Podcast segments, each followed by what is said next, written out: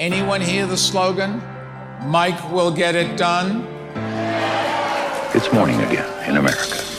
Good morning, folks. Please, please. Come on, let's go. Let's go get some coffee. Thank you very much. Det er onsdag 19. februar, det er tre dager igjen til Kåksvalget i Nevada, og morgenkaffen er servert. Gårsdagens store nyhet var den nasjonale meningsmålingen fra NPR, PBS og Marist, som viser stor framgang for Bernie Sanders, som leder soleklart med 31% opp 9 prosentpoeng siden forrige måling i desember. Den virkelig store nyheten i samme måling, som også fikk mer oppmerksomhet, er at tidligere New York-borgermester Mike Bloomberg spretter opp til andreplass med 19% opp hele 15 prosentpoeng siden desember. I've got a record of doing things. I've got the resources to take on this fight. As mayor, I held myself accountable for results. As president, I'll offer common sense plans and I will get it done. Målingen er dårlig nytt for tidligere visepresident Joe Biden på 15% som går tilbake 9 poeng siden desember, og Elizabeth Warren på 12, som går tilbake 5 prosentpoeng. Amy Klobuchar noterer seg for 9% opp 5 Pete Buttigieg på åtte, han har også hatt en dårlig måling, går tilbake fem, mens Tom Steyer ligger på 2 prosent, opp én. Dagens andre sak. I natt er det duket for nok en TV-debatt, og med den nevnte målingen så kvalifiserer Mike Bloomberg seg til debatten i Nevada i natt. Selv om han ikke er på valg der. Det er første gang Bloomberg vil stå på debattscenen siden valgkampen i 2009, da han som borgermester i New York debatterte mot utfordreren Bill Thompson. Den gang var Bloomberg republikaner.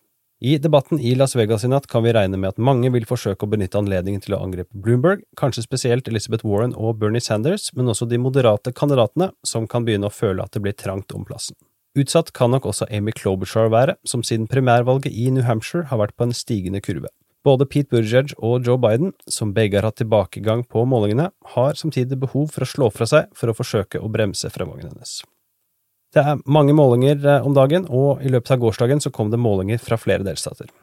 Forretningsmannen Tom Styres kampanje offentliggjorde en intern måling fra Nevada, som viser Bernie Sanders i ledelse med 24% fulgt av Biden på 19, Styre på 18. Pete Buttigieg ligger på 13, Warren på 10 og Klobuchar på 7, og det kan være verdt å merke seg at målingene i Nevada spriker betraktelig, men at Bernie Sanders ligger klart best an i delstaten, det er iallfall sikkert. En måling tatt opp av Monmouth i Virginia, som stemmer på supertirsdagen den 3. mars, viser delt ledelse i delstaten mellom Bloomberg og Sanders, begge med 22% mens Biden her får 18 Et stykke bak finner vi Pete Buttigieg på 11, Klobuchar på 9 og Warren på 5. 11% av de spurte har ikke bestemt seg for hvem de vil støtte, og bare én av fire som har oppgitt hvem de vil stemme på, oppgir at de er helt sikre i sin sak. En spennende sak i denne målingen er fordelingen mellom hvite og svarte velgere, og Pete Buttigieg, som har strevd med svært lav og til dels ikke-eksisterende støtte blant svarte velgere i andre delstater, får tilnærmet lik oppslutning blant hvite og svarte velgere i denne målingen. Amy Klobuchar derimot ligger på 0 prosent blant svarte velgere i denne målingen. I Oklahoma, som også er en supertirsdag-stat, så viser en måling tatt opp av Sooner Survey en solid ledelse for Bloomberg på 20 Sanders ligger her på andreplass med 14, foran Biden på 12, Buttigieg på 11, Warren med 8 og Klobuchar på 6. Hele 14% av de spurte, som var personer som tidligere har stemt i Demokratenes nominasjonsvalg, oppgir at de antagelig ikke kommer til å stemme i primærvalget den 3. mars. Dagens fjerde og siste sak, viktig støtte til Bernie Sanders. Organisasjonen Mihente kunngjorde i går ettermiddag norsk tid at de støtter Bernie Sanders i nominasjonskampen.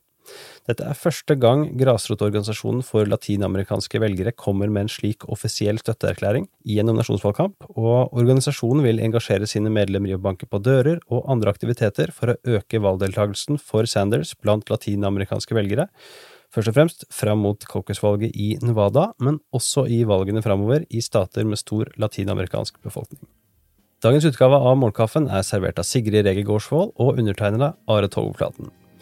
Dersom du liker podkasten og vet om andre som også interesserer seg for det som skjer i USA om dagen, så setter vi stor pris på om du tipser dem. Og dersom du ønsker å høre lørdagsutgaven av Morgenkaffen, og kanskje i tillegg ønsker deg en egen morgenkaffekopp eller annet merch fra amerikanskpolitikk.no, ta turen til patron.com – ampol.